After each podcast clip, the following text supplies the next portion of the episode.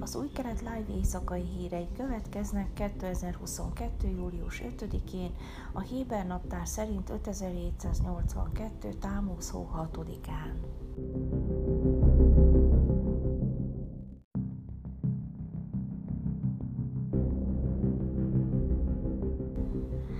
Órával azelőtt, hogy a Knesset hétfőn választási szünetre indult volna, a koalíciós és az ellenzéki tárgyalások megszakadása miatt lekerültek az asztalról azok a kritikus jogszabályok, amelyek előmozdítanák a Tel Aviv központú metrórendszer kiépítését és Izrael felvételét az Egyesült Államok vízummentességi programjába.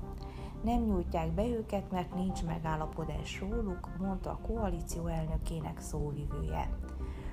Az elmúlt két hétben a koalíciós és ellenzéki tárgyalópartnerek harcba keveredtek a 24. Knesset választások felé tartó végleges törvényekről szóló megállapodások miatt. Bár a szünetben is lehetséges a törvényjavaslatok elfogadása, a választási szünetekre vonatkozó szabályok az ellenzék támogatásától teszik függővé, hogy a plénum elé kerüljenek, ami elzárja útjukat a 25. Knesset megalakulásáig. Múlt csütörtökön a Knesset megszavazta a feloszlatást, és november 1-ére választásokat írt ki, Izraelben az ötödiket négy éven belül. A csütörtöki feloszlatási szavazás után a plénum ülése folytatódott, és a parlamenti képviselők több utolsó pillanatban benyújtott törvényjavaslatot is elfogadtak vagy előmozdítottak kifutva az időből, hogy megvitassák az összes függőben lévő jogszabályt, Hétfőn visszatértek az utolsó plenáris ülésre, de a koalíciónak és az ellenzéknek ismét nem sikerült megállapodásra jutnia a metró törvényről és az Egyesült Államok vízummentességi programjáról. Hétfőn a házbizottság is ülésezett, és kettő hivatalosan is szünetre küldte a Knessetet. Az utolsó hétfői napon mindössze két törvényjavaslatot küldtek a plénum elé, és mindkét törvényjavaslat átment az első olvasatban.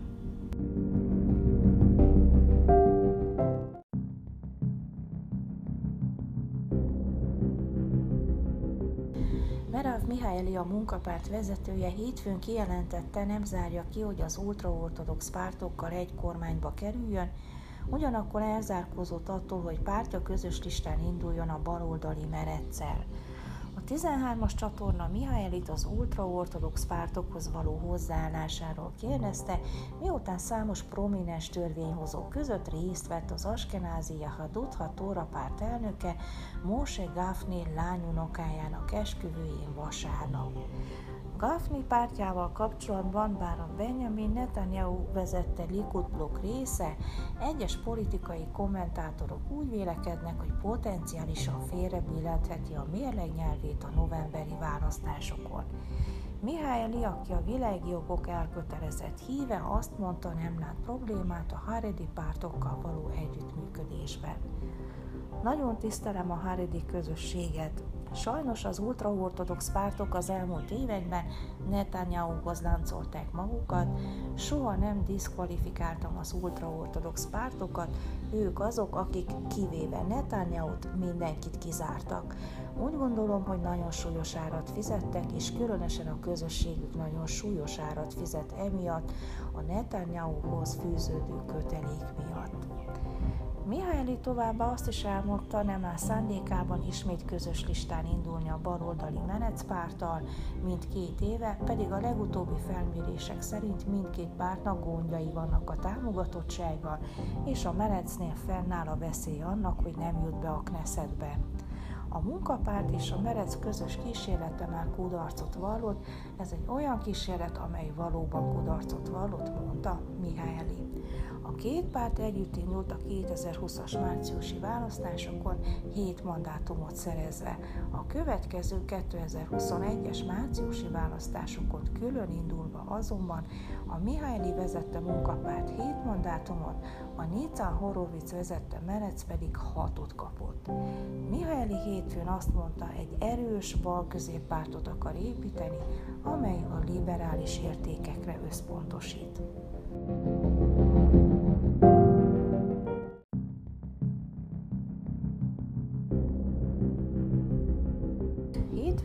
Földművelésügyi Minisztérium megállapodást írt alá a gazdálkodók képviselőivel, amely lehetővé teszi a mezőgazdasági reform folytatását.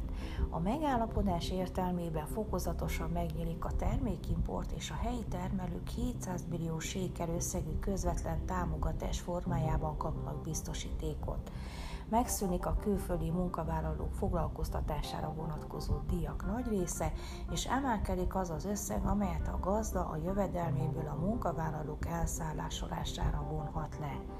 Ez egy történelmi megállapodás a mezőgazdasági ipar számára, amely intenzív és nehéz tárgyalások után jött létre. A megállapodás szűkíti a köztünk és a Földművelésügyi Minisztérium között fennálló mély szakadékot, és a gazdálkodók számára tisztességes versenyhez közelítő eszközöket ad. A megállapodás súlyos terhet vesz le a gazdálkodók válláról, és lehetővé teszi Izrael állam számára, hogy fenntartsa a táplálkozás biztonságát. Nyilatkozta Dobi Amitai, az Izraeli Gazdák Szövetsége és az üzleti szervezetek elnöke.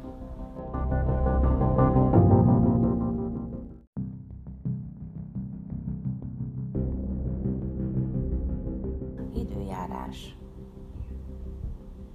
Szerdán napos idő várható, Jeruzsálemben, Tel Avivban és Asdodban 30, Hajfán 27, még Ejláton 38 fokra lehet számítani.